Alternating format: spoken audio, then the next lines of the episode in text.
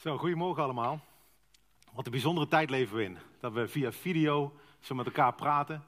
En dat we Kidsclub via de video doen. Dat we hier in een bijna lege zaal zitten vanochtend. Ik, het is even wennen. Ik voel me net een, uh, zo'n tv-dominee. Ken je wel? Met mensen van de Lichtstad die thuis kijken. Mensen van de Brug die thuis kijken. En dat is toch heel bijzonder. Maar zo'n tv-dominee heeft meestal zo'n uh, bankrekening. Dus ik hoop dat mijn bankrekening nou in, beeld komt linksonder dat hoort, uh, dat hoort er wel bij. Daar mag je geld over maken. Maar eigenlijk vind ik het een heel groot gemis vanochtend dat we elkaar niet kunnen zien. Het is hier echt leeg en ik, moet in de camera kijken, kan niet kijken naar de mensen die hier zitten. Maar misschien vind jij het niet zo erg. Misschien zit jij thuis, net als ik vorige week, gewoon in je pyjama op je bed naar de dienst te kijken. Lekker met je pyjama naar de kerk gaan, niemand die het ziet. Ik vroeg me vorige week wel af toen ik gaan kijken was, waarom Maarten op zo'n vliegend tapijtje stond.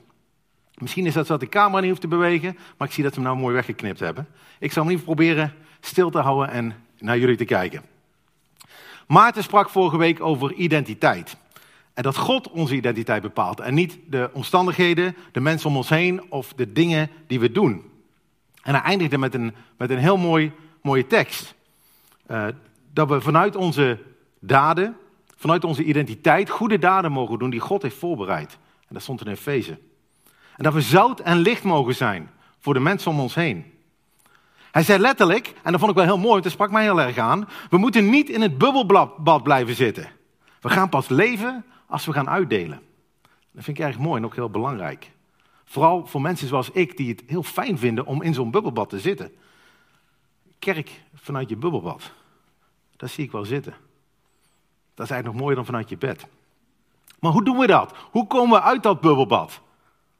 Hoe zijn we zout en licht? Hoe kunnen we uit dat bubbelbad komen en gaan uitdelen? En daar wil ik het vanochtend met jullie over hebben. En dat doe ik vanuit het Oude Testament. Een oud verhaal, eigenlijk een brief, een oude brief, die 600 voor Christus opgestuurd is. In die tijd was het Babylonische Rijk het grootste rijk, in ieder geval in het Midden-Oosten, misschien wel op aarde. En ze hadden heel veel landen veroverd, waaronder ook het land Israël, Juda. En die koning uit Babylon die veroverde de tempel, die plunderde de tempel en voerde mannen en vrouwen af naar de hoofdstad, naar Babylon. Om daar te dienen voor de koning Nebukadnezar. En een van die mannen ken je misschien wel. Een van die mannen was Daniel. Daar hebben we de afgelopen maanden bij de brug heel veel tijd in gestoken om te verdiepen in zijn leven daar in Babylon en hoe het van toepassing is op ons leven hier in Eindhoven. Maar er was een meneer achtergebleven in Jeruzalem. En die meneer heette Jeremia. En hij was een man van God, een profeet. En hij stuurt een, brief op, een heel bemoedigende brief op, naar die mensen daar, die ballingen, die afgevoerd waren en die inmiddels in Babylon woonden. En dan ga je je misschien afvragen, waarom een brief van 2.500 jaar geleden? Die is toch niet aan ons gericht? Die is toch gericht aan die mensen toen in Babylon? Wij zijn toch niet afgevoerd naar Babylon? Wij zijn toch, wij wonen toch lekker op ons plekje in Eindhoven? We zijn geen ballingen. Misschien voelt het wel een beetje zo nu, dat je opgesloten zit in je huis, dat je denkt, hé, hey, ik, ik zit hier niet voor mijn plezier. Maar ik denk dat Eindhoven en Babylon heel veel met elkaar gemeen hebben. En ik denk ook dat wij ballingen zijn. Want wat is een balling? Weet jullie dat? Dat is iemand die uit zijn thuisland gehaald is en afgevoerd is naar een plek die niet zijn thuis is. En wat is ons thuis als christenen? Eindhoven? Venlo? Waalre? Nee. Onze thuis is bij God de Vader en bij Jezus in de hemel. Dus als christenen zijn we allemaal ballingen. We horen niet thuis hier in Eindhoven. We zijn niet meer van de wereld, staat er in de Bijbel. En Petrus, een, een van de vrienden van Jezus, die schreef ook in zijn brief daar begon hij mee. Van Petrus aan de vreemdelingen. Aan de vreemdelingen. Hij schrijft daarbij vreemdelingen zijn in een land dat niet van ons is. En we kijken uit naar ons thuis in de hemel. En in die zin zijn we allemaal ballingen. Dus zowel deze brief geschreven is aan mensen in die tijd, op die plaats, denk ik dat we de oproep van God aan de ballingen ook in deze brief ook mogen toepassen op onze situatie nu, in 2020, de plek waar we wonen. En ik lees in deze tekst vandaag een aantal heel praktische opdrachten van God aan het volk Israël. Die voor vandaag de dag nog steeds heel relevant zijn. En heel praktisch zijn en ook heel uitvoerbaar zijn voor ons in Eindhoven. Ik ga de tekst doorlezen en ik ga vijf punten belichten. En dan weten de mensen van de brug die daar kijken zijn, die zeggen vijf punten, maar het heeft altijd drie punten. Dat klopt, ik dacht, ik ben bij de lichtstad, die kunnen dat wel aan. Die kunnen wel vijf punten aan. Tot ik vrijdagavond van Patrick een appje kreeg van je moet je beperken tot 30 minuten. Dus die 30 minuten gaan nu in en dan hou ik me eraan. Het eerste punt is dat wij als ballingen opgeroepen worden om zendelingen te zijn. Laten we gaan lezen. Ik lees uit Jeremia hoofdstuk 29, vanaf vers 4. Zo zegt de Heer van de legermachten, de God van Israël, tegen de alle ballingen die ik uit Jeruzalem naar Babel in ballingschap heb gevoerd. En dan gaat hij veel meteen verder. Zo zegt de Heer, begint deze tekst met. Het is geweldig, hè? Zeker weten wat God tegen je zegt. Wie wil dat niet? Een briefje uit de hemel van God. Die zegt, Maarten, ga dit doen, Maarten, doe dat. Dit moet je doen de komende jaren. Volgende week, 29 maart, moet jij gaan spreken bij de lichtstad. Ik zou willen dat ik dit soort briefjes kreeg uit de hemel. Maar we hebben een brief uit de hemel. Een dik boek zelfs. We hebben iedere dag toegang tot de Bijbel, het woord van God. En wat een voorrecht van die mensen toen, ten opzichte van die mensen toen, die het met een, een briefje moesten doen van een profeet uit Jeruzalem, die helemaal bezorgd moest worden in Babylon. Dat we gewoon het boek, de Bijbel kunnen openslaan met elkaar en woorden van God kunnen lezen. En dat God door zijn woord tot ons spreekt. En wat zegt God hier in deze brief? Zegt hij dat de Babyloniërs de Israëlieten hebben weggevoerd uit Jeruzalem naar Babylon? Nee. Hij zegt, ik, ik heb jullie uit Jeruzalem weggevoerd. God heeft ze weggevoerd. Dat is raar. Waarom zou God dat doen? Babylon is een goddeloze stad. Weten jullie nog wie Babel gesticht heeft? Dat was Nimrod, een goddeloze man uit Genesis. En waarom zou Israël nou die Israëlieten die perfect woonden in Jeruzalem, bij zijn tempel, in zijn nabijheid, af laten voeren naar Babylon? En voor ons de vraag, waarom zou God ons in een stad als Eindhoven laten wonen? In het Nieuwe Testament lezen we dat God voor elk volk, dus ook voor jou en voor mij, een tijd en een plaats heeft bepaald. Ik woon in Eindhoven omdat God dit bepaald heeft. Hij heeft mij gezonden. Waarom? Om zendeling voor hem te zijn. Om zout en licht te zijn op de plek waar ik woon. En ook jij woont op de plek waar je woont, omdat God dat zo bepaald heeft. Realiseer je dat? Zendelingen zijn niet alleen mensen die naar verre landen reizen. Het is goed dat een hoop mensen dat doen. Hè? Een aantal mensen die mogen naar China en naar Afrika en over God vertellen. Maar de meeste van ons blijven gewoon hier in Eindhoven, op de plek waar God ons neergezet heeft. Moeten we dan niet tot het einde van de wereld gaan? Tuurlijk. Maar als ik naar Eindhoven kijk, als ik kijk alleen al naar de plek waar ik werk, bij ASML, daar werken mensen uit meer dan 100 verschillende landen. Mensen van de einde van de wereld komen in Eindhoven. Werken in dezelfde gebouwen als waar ik werk. Mensen van het einde van de wereld wonen waar wij wonen, in dezelfde buurt, in dezelfde straat, in dezelfde wijk. Dus ga aan de slag. Leid ze naar Jezus. We hebben een opdracht hier. We hebben een verantwoordelijkheid. Een goed werk dat God heeft voorbereid voor ons als zendeling. Zendelingen, gezonden door God. En wat doen zendelingen als ze aankomen in Afrika of in Azië? Ze stoppen hun tijd en hun geld en hun energie in de mensen om hen heen. Om ze te leren kennen. Dus een lastige vraag voor je. Als ik naar eh, mijn agenda kijk. Of als ik naar jouw agenda kijk. Of naar je bankboekje. Waaruit blijkt dan dat je een zendeling bent? Waaruit blijkt dat God je in je straat, in je wijk, in je stad gezet heeft? Op je werk neergezet heeft met een opdracht? Dat is een uitdaging. Iets om over na te denken. En hoe geven we dat vorm? Hoe geven we dat met elkaar ook vorm? Nu juist in tijden van corona. Matthäus 5 vergelijkt Jezus ons met zout en licht. En wat Maarten vorige week ook aanhaalde. Maar Jezus vergelijkt ons met nog iets. Niet alleen zout, niet alleen licht, maar ook een stad op een heuvel. Een stad die iedereen kan zien. Een lichtstad op de heuvel. De brug, de lichtstad, zijn steden op zo'n heuvel. Misschien niet heel grote steden, misschien een dorpje op een heuvel, maar toch. Een plek op een heuvel in een grotere stad. Een plek met christenen in een grotere plek, zonder christenen. Een stad in een stad. En wat moet die grote stad zien als ze naar die kleine stad kijken? Wat betekent het om zout en licht te zijn? Wat zegt Jezus daarover? Hij zegt, als de stad naar ons kijkt, dan moeten ze onze goede daden zien. Opdat ze God zullen verheerlijken. En wij zijn allemaal deel van die stad en de stad. We zijn zendelingen in deze stad, in de wijk, in de straat waar we wonen. En we kunnen laten zien wat een leven met Jezus inhoudt. Dat een leven met Jezus fijner is. Dat een leven met Jezus beter is. Dat we anders omgaan met onze geld, tijd, onze bezittingen, tv, internet, met seks, met huwelijk, met vriendschappen, met ouderschap, met ziekte, met angst, met leven en met dood. Omdat we Jezus kennen. En zijn voorbeeld willen volgen in al deze dingen. En dat doen we niet omdat we beter zijn, niet omdat we slimmer zijn, meer kennis hebben of omdat we beter weten. Niet eens omdat we ons beter gedragen, maar omdat we Jezus kennen. Jezus die ons eerst lief had. En omdat Hij van mensen houdt, hebben wij de mensen in de stad lief. Dus mijn punt 1. Je bent als balling, gezonden door God, als zendeling, die God hier heeft geplaatst. Ik lees verder. De opdracht van Jeremia. Bouw huizen, woon erin, leg tuinen aan en eet de vrucht ervan.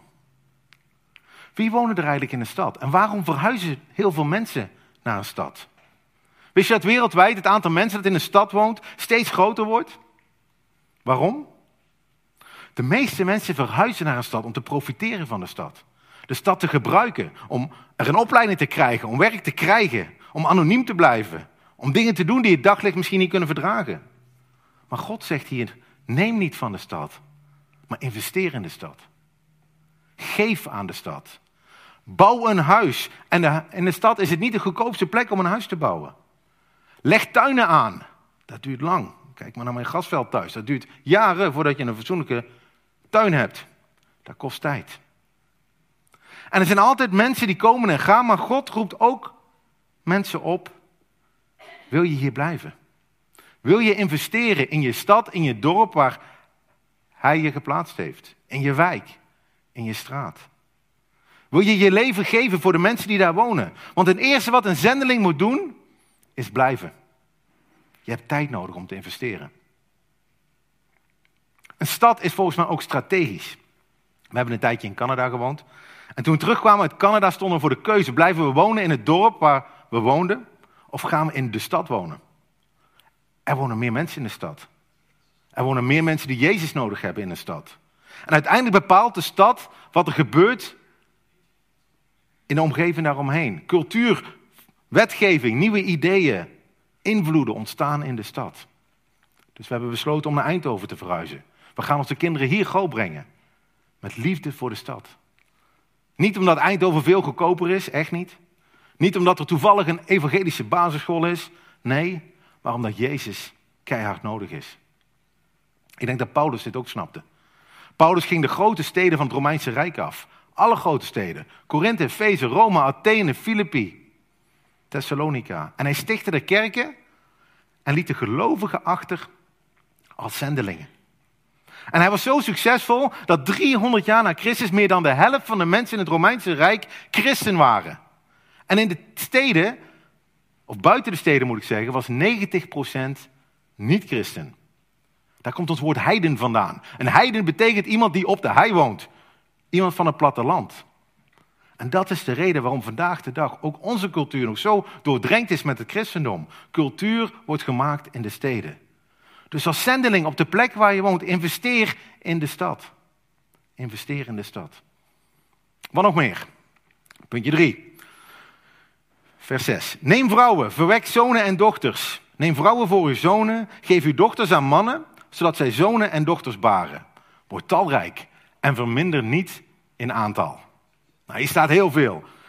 Ten eerste staat hier iets heel voor de hand liggends. Gaat heen en vermenigvuldig.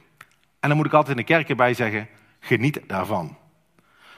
Want het bijzondere, het bijzondere van de stad is dat mensen geen kinderen hebben in de stad. Ik weet niet of je dat ooit opgevallen is. In Eindhoven worden per jaar 2000 kinderen geboren. Op een stad van 250.000 mensen. Er worden wel honden en katten komen heel veel in de stad, maar geen kinderen. En in Nederland geldt dat zelfs voor het hele land. Gemiddeld 1,59 kind per moeder. En in de steden ligt dat nog lager. God zegt hier, gaat heen en vermenigvuldig. Als christenen in Eindhoven zich sneller vermenigvuldigen dan niet-christenen, betekent dat meer zout, meer licht, meer Jezus in Eindhoven. Waar Jeremia het hierover heet, is iets dat heet nalatenschap. In het Engels een mooie term legacy. Wat voor een erfenis wil je nalaten? Wil je een mooie auto nalaten aan je kinderen? Een mooi huis? Een mooie tuin? Of wil je kinderen en kleinkinderen nalaten?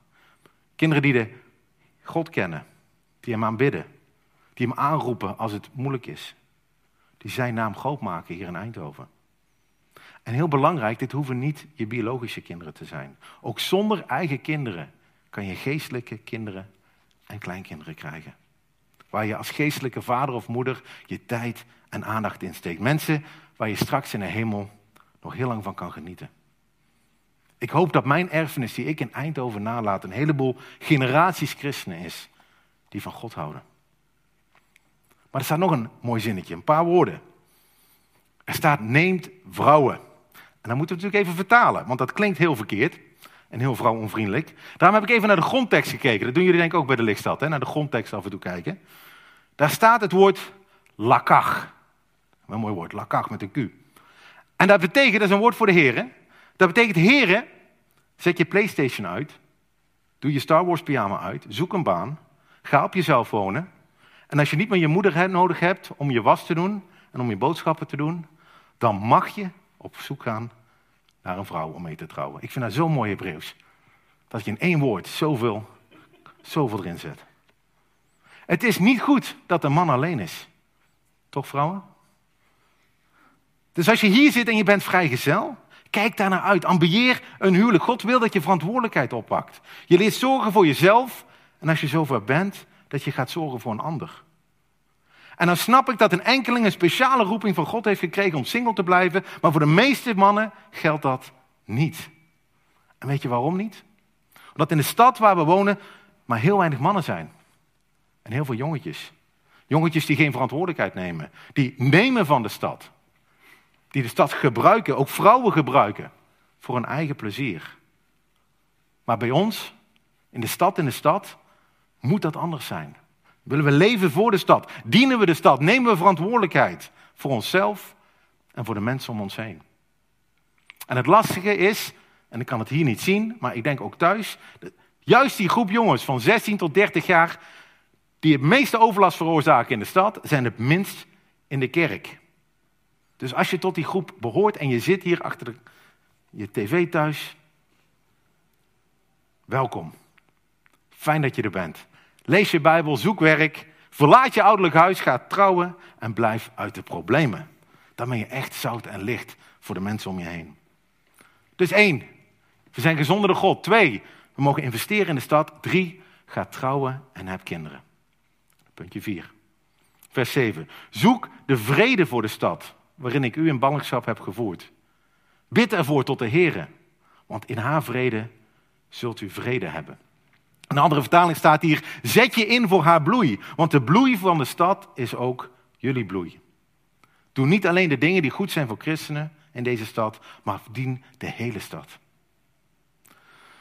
Toen wij in 2005 naar Canada verhuisd zijn, toen kwamen wij een kerk, een heel lang verhaal, dat ik kort had proberen te houden. Die kerk heette South Delta Baptist Church. En die hadden in 1988 een nieuw kerkgebouw neergezet. En die hadden ze zo gebouwd dat ze in hun kerkgebouw een gymzaal hadden. Ik denk, dat is raar. Spelen ze basketbal na de dienst of zo, of, uh, of weet ik wat. Maar dat was niet zo. Ze hadden gekeken naar de scholen in, de, in, de, in, de, in het dorp, in de stad eromheen. En ze kwamen erachter dat geen enkele school een eigen gymzaal had.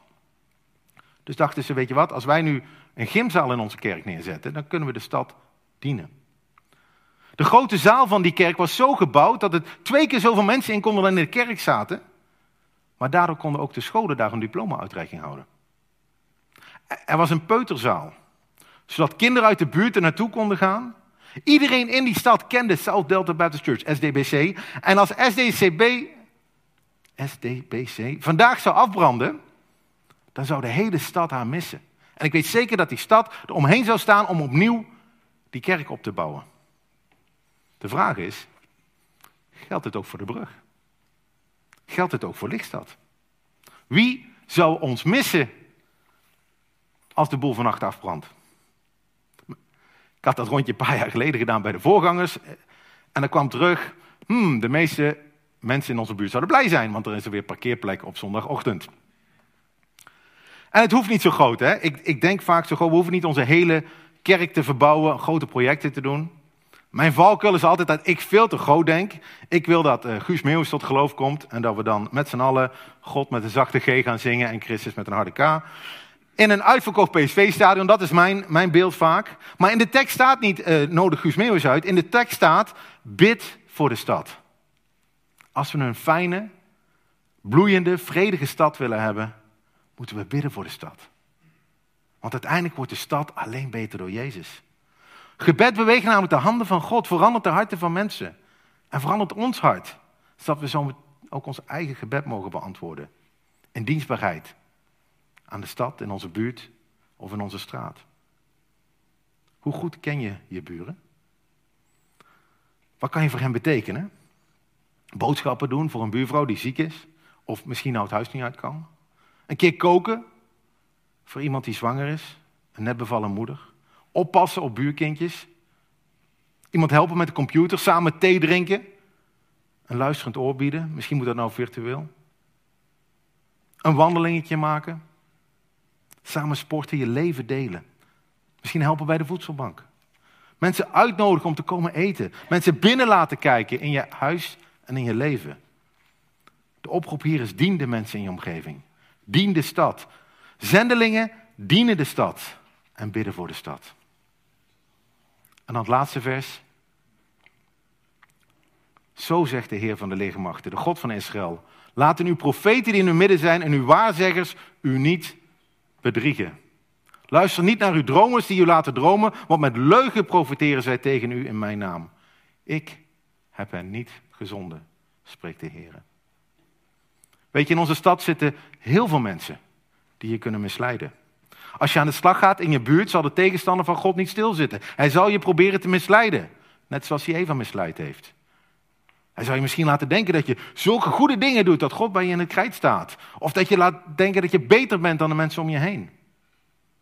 Of het omgekeerde, dat hij je juist laat denken dat je het allemaal niet kan.